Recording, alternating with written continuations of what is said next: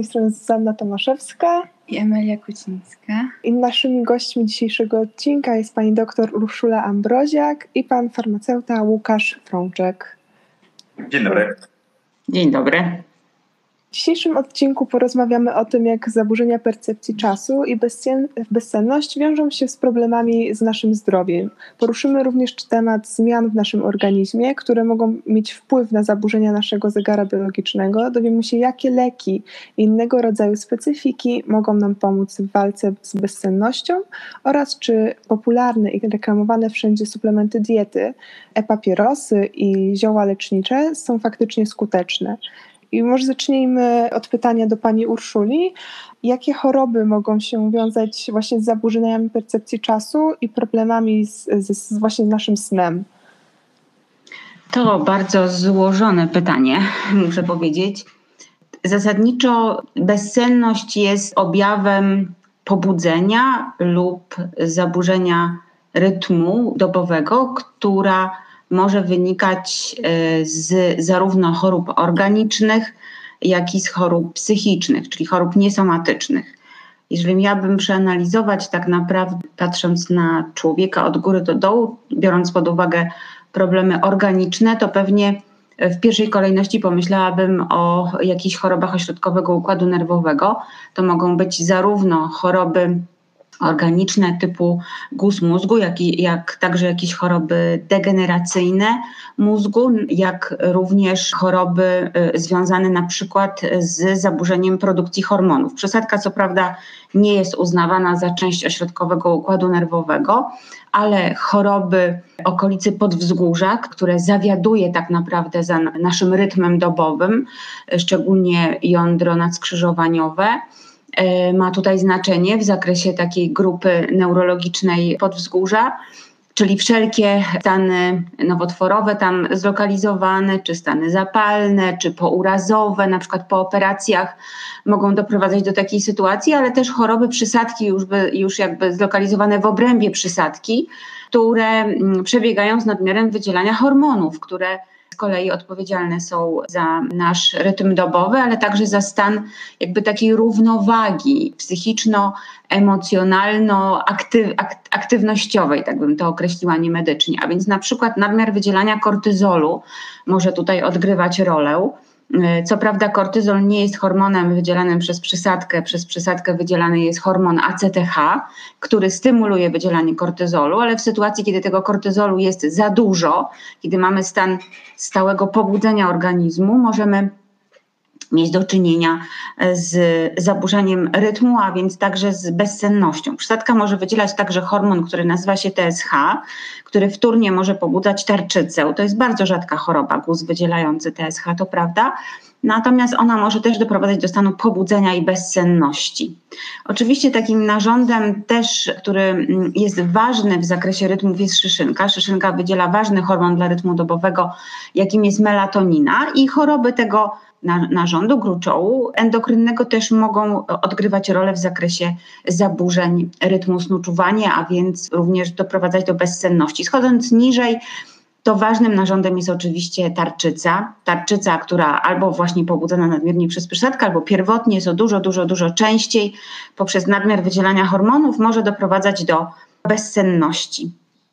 To są takie, że tak powiem, dwa główne narządy, które Mm, czyli podzgórze i przysadka w tej górnej okolicy plus tarczyca, które tutaj mogą odgrywać istotną rolę. Ale oczywiście moglibyśmy również do takiej sytuacji, taką sytuację zaobserwować na przykład, gdybyśmy mieli do czynienia z innymi zaburzeniami endokrynnymi, które dotyczą na przykład bezpośrednio już pierwotnie wydzielającego kortyzol narządu, jakim są nadnercza. W przypadku znowu nadmiaru wydzielania hormonu takiego jak kortyzol, czy to przez guzy, guzy nadnecze o charakterze łagodnym czy złośliwym, możemy również mieć mm, do czynienia z takim stanem, jakim jest bezsenność. Myślę, że znalazłabym jeszcze bardzo wiele, wiele przykładów na temat mm, chorób, które doprowadzają wtórnie do bezsenności, ale powiedzmy z tych takich, które być może w pierwszej kolejności wziąłabym pod uwagę to te, które wymieniłam, też z tytułu mojej specjalizacji, ponieważ jestem endokrynologiem, ale oczywiście szeroka gama zaburzeń psychicznych, czy to endogennych, czy egzogennych, związanych z takim stresem zewnętrznym lub też z endogennymi zaburzeniami o charakterze stanów lękowych, depresyjnych, mogą oczywiście również objawiać się taką maską bezsenności. Czy też może jest tak, że wraz z wiekiem właśnie nasz tryb dnia i właśnie nasza bezsenność też może się zmieniać, czy raczej to jest unormowane ogólnie?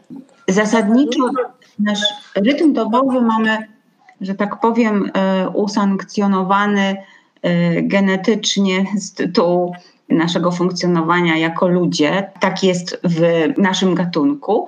Natomiast oczywiście inaczej jest na przykład wśród wielu zwierząt, które funkcjonują w godzinach nocnych. Ten rytm dobowy jest zachowany.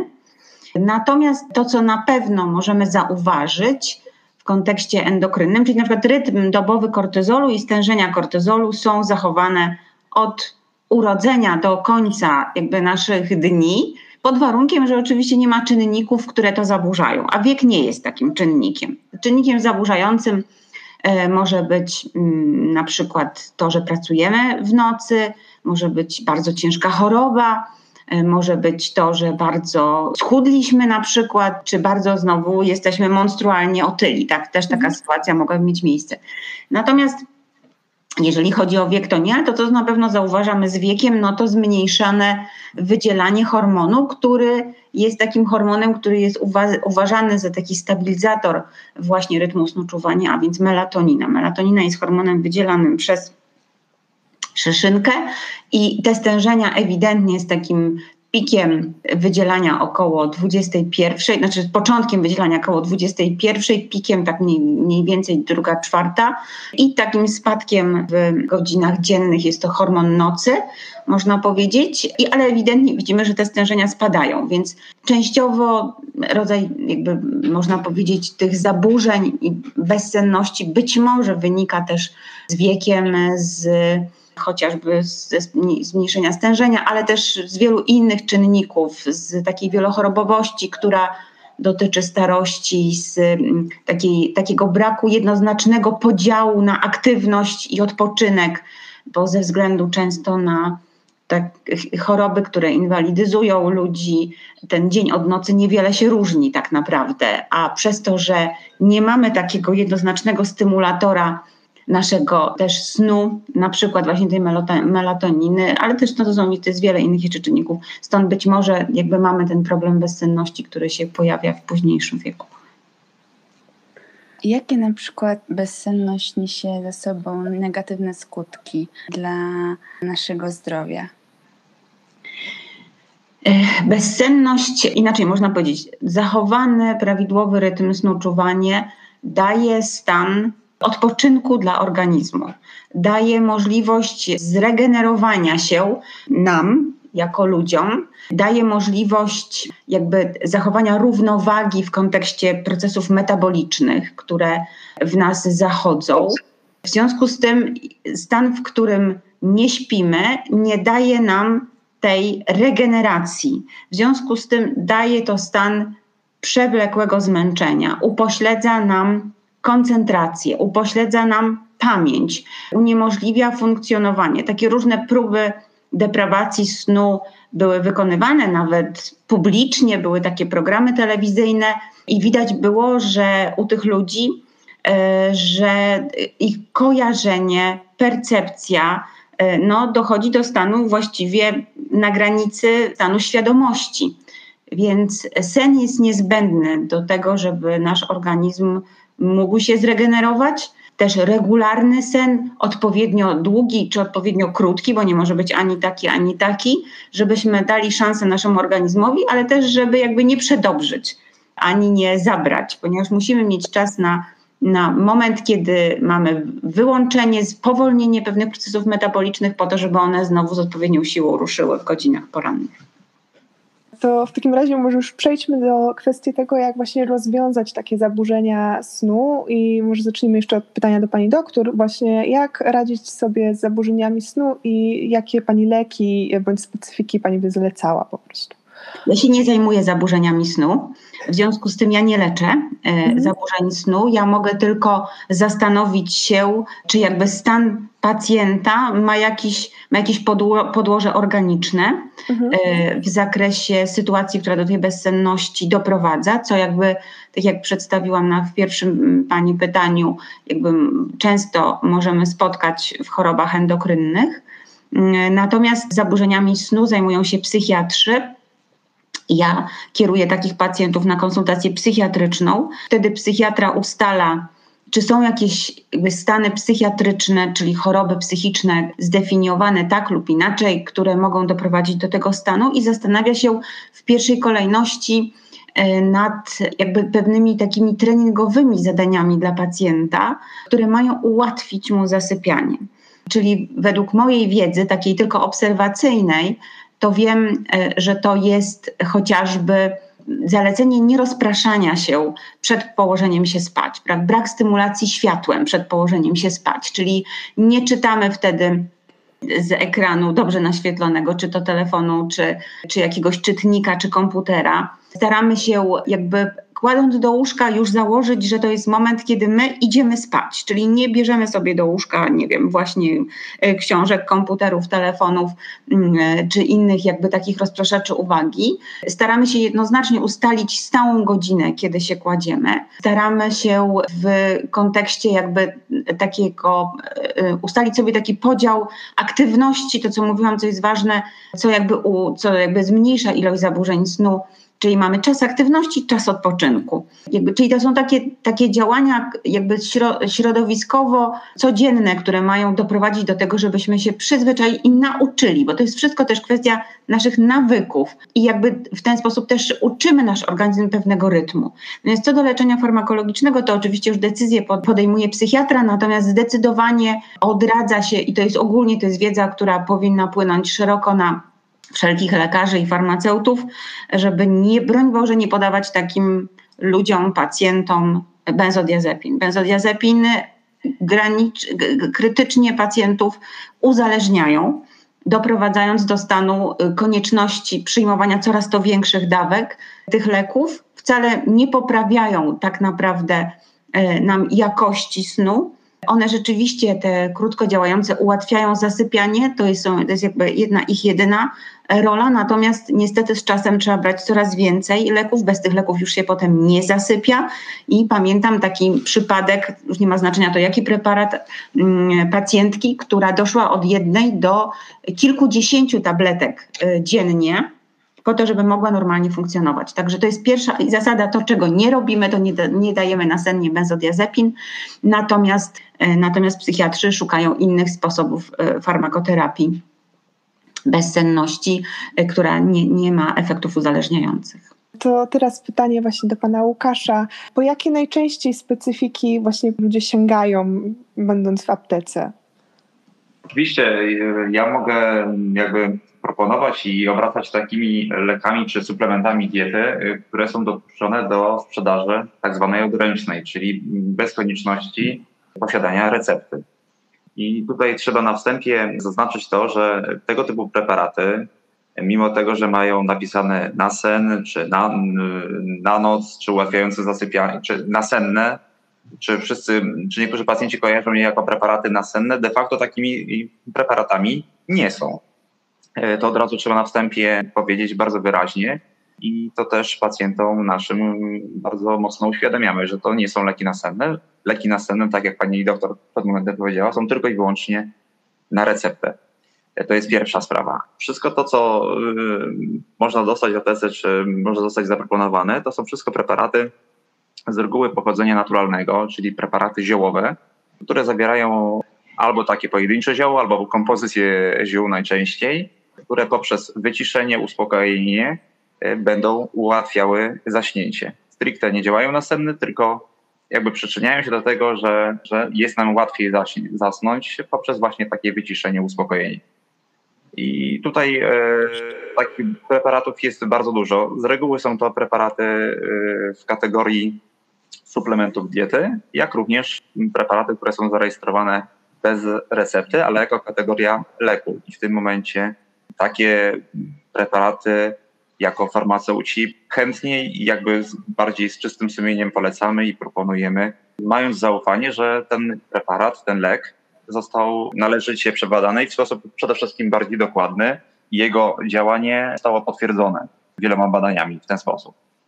Więc e, pacjenci przychodzą do nas e, najczęściej, proszą e, o, o takie preparaty i to z reguły kończy się wyborem takiego preparatu e, ziołowego. Z drugiej strony czasami pacjenci proszą o preparat z melatoniną. I to też to, to co, co pani doktor powiedziała, w celu wyrównania, wyrównania tego rytmu dobowego, rytmu czuwania i rytmu spania, odpoczynku e, w ten sposób. I tutaj szczególnie e, przy tej melatoninie jest ważna stałość pory przyjmowania tego preparatu, żeby to ten właśnie rytm dobowy wyrównać, bo zależy nam na tym, żeby właśnie w odpowiednim czasie ten poziom melatoniny był w organizmie odpowiednio wysoki, żeby nam właśnie wyrównać ten, ten rytm y, dobowy.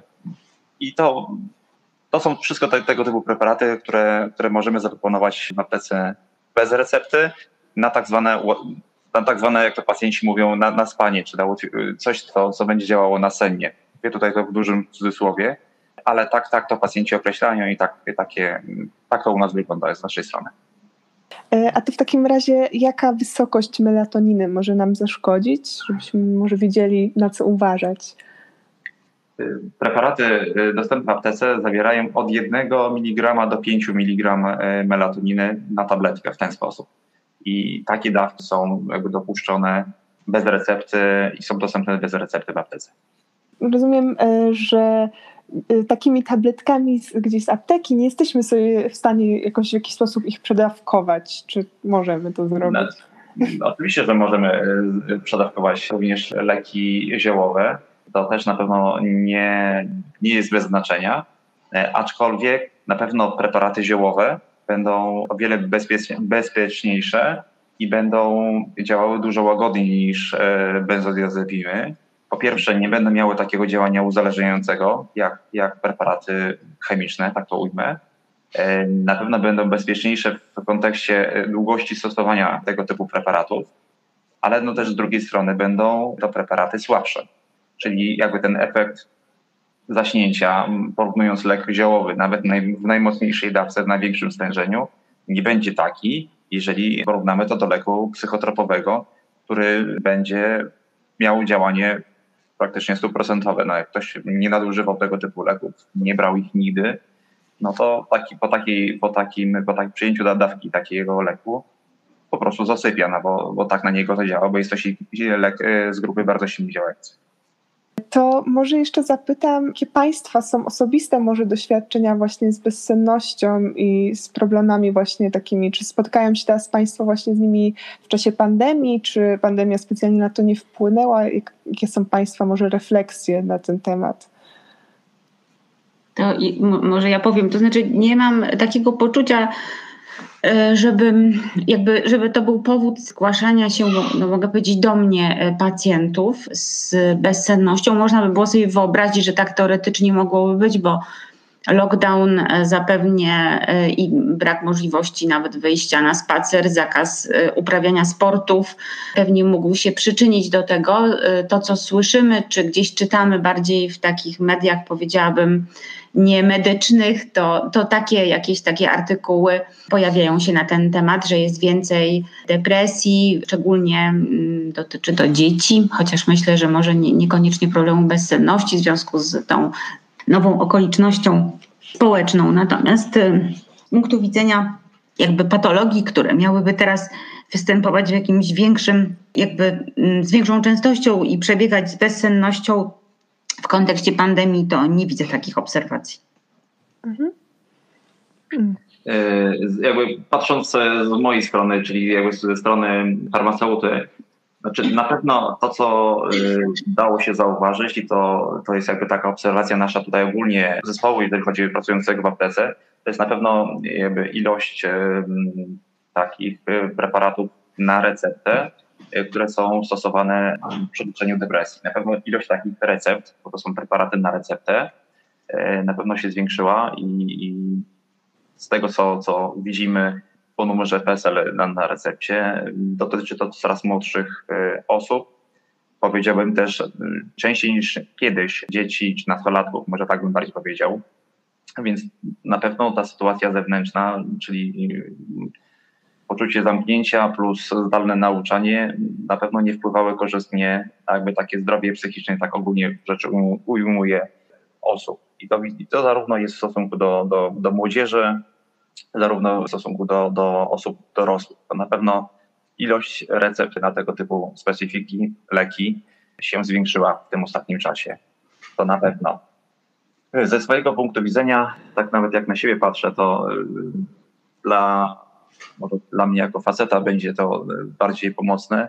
Y, wyjście z domu na dobry trening, czy to będzie kwestia biegania. Akurat ja lubię biegać, ale to każdy musi sobie znaleźć coś, coś własnego, co y, moim zdaniem bardzo fajnie odciąża głowę. Takie dobre zmęczenie się, taka, taka, taki, takie właśnie taki czas dla siebie, ale też dla, dla własnego organizmu, co daje fajnie takie, takie odejście od, od tego bieżącego, od bieżących problemów. To na pewno przynajmniej mi dobrze robi i zawsze też dobrze się po takim, po takim wyjściu czuję.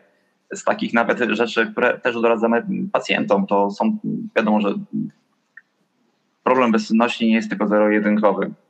Pewne rzeczy y, małe będą w jakimś stopniu pomagały nam zasypiać. To, co pani doktor powiedziała, czyli brak elektroniki, załóżmy godziny przed snem, czy, czy oglądania telewizji, czytania książki dobre wywietrzenie pokoju przed, przed spaniem, żeby to powietrze było y, świeże, więc to też, też na pewno sprzyja. Y, pewne, pewien takie rytuały pójścia spać po prostu, że teraz idę spać, a nie będę y, robił czegoś innego. Zostawienie pracy, a nie przenoszenie tego do domu i, i jakby, żeby też taki, to też bardzo fajnie, przynajmniej w, przypadku małych dzieci się sprawdza, czyli taki stały schemat dnia, rytm dnia, pewne pory, które po sobie następują, ułatwiają. Ja to bardzo widziałem w stosunku do, do moich y, małych dzieci, małych chłopców kilka lat temu, teraz w przypadku córki trzyletniej, że pewien rytm i pewne zdarzenia, które następują po sobie codziennie w taki sam sposób, bardzo fajnie porządkują taki, taki dzień. I myślę, że nam dorosłym też tego brakuje i taki, taki rytm stały bardzo pomaga te zasypiać, więc Wiadomo, te preparaty takie bez recepty, apteczne, ziołowe, to jest wszystko tylko wspomaganie jakiegoś tam procesu. E, oczywiście też na pewien czas, ale, ale też takie dobre, zdrowe nawyki, taka powiedziałbym ogólnie higiena życia, e, która też bardzo fajnie i bardzo fajnie nam porządkuje i też ułatwia zachować taki naturalny rytm i po prostu zdrowe życie w ten sposób. O tyle bym powiedział.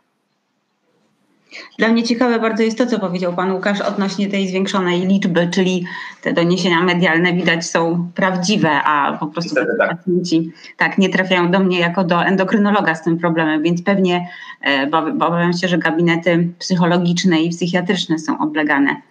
Z mojego punktu widzenia to mogę tylko przedstawić taki, pamiętam, bardzo ciekawy przypadek młodej dziewczyny, Y, która borykała się z problemem bezsenności. To była taka kobieta lat, wydaje mi się, tak około trzydziestu kilku, która e, okazało się, że nie miała żadnych innych objawów. To był jej jedyny objaw, który miała bezsenność.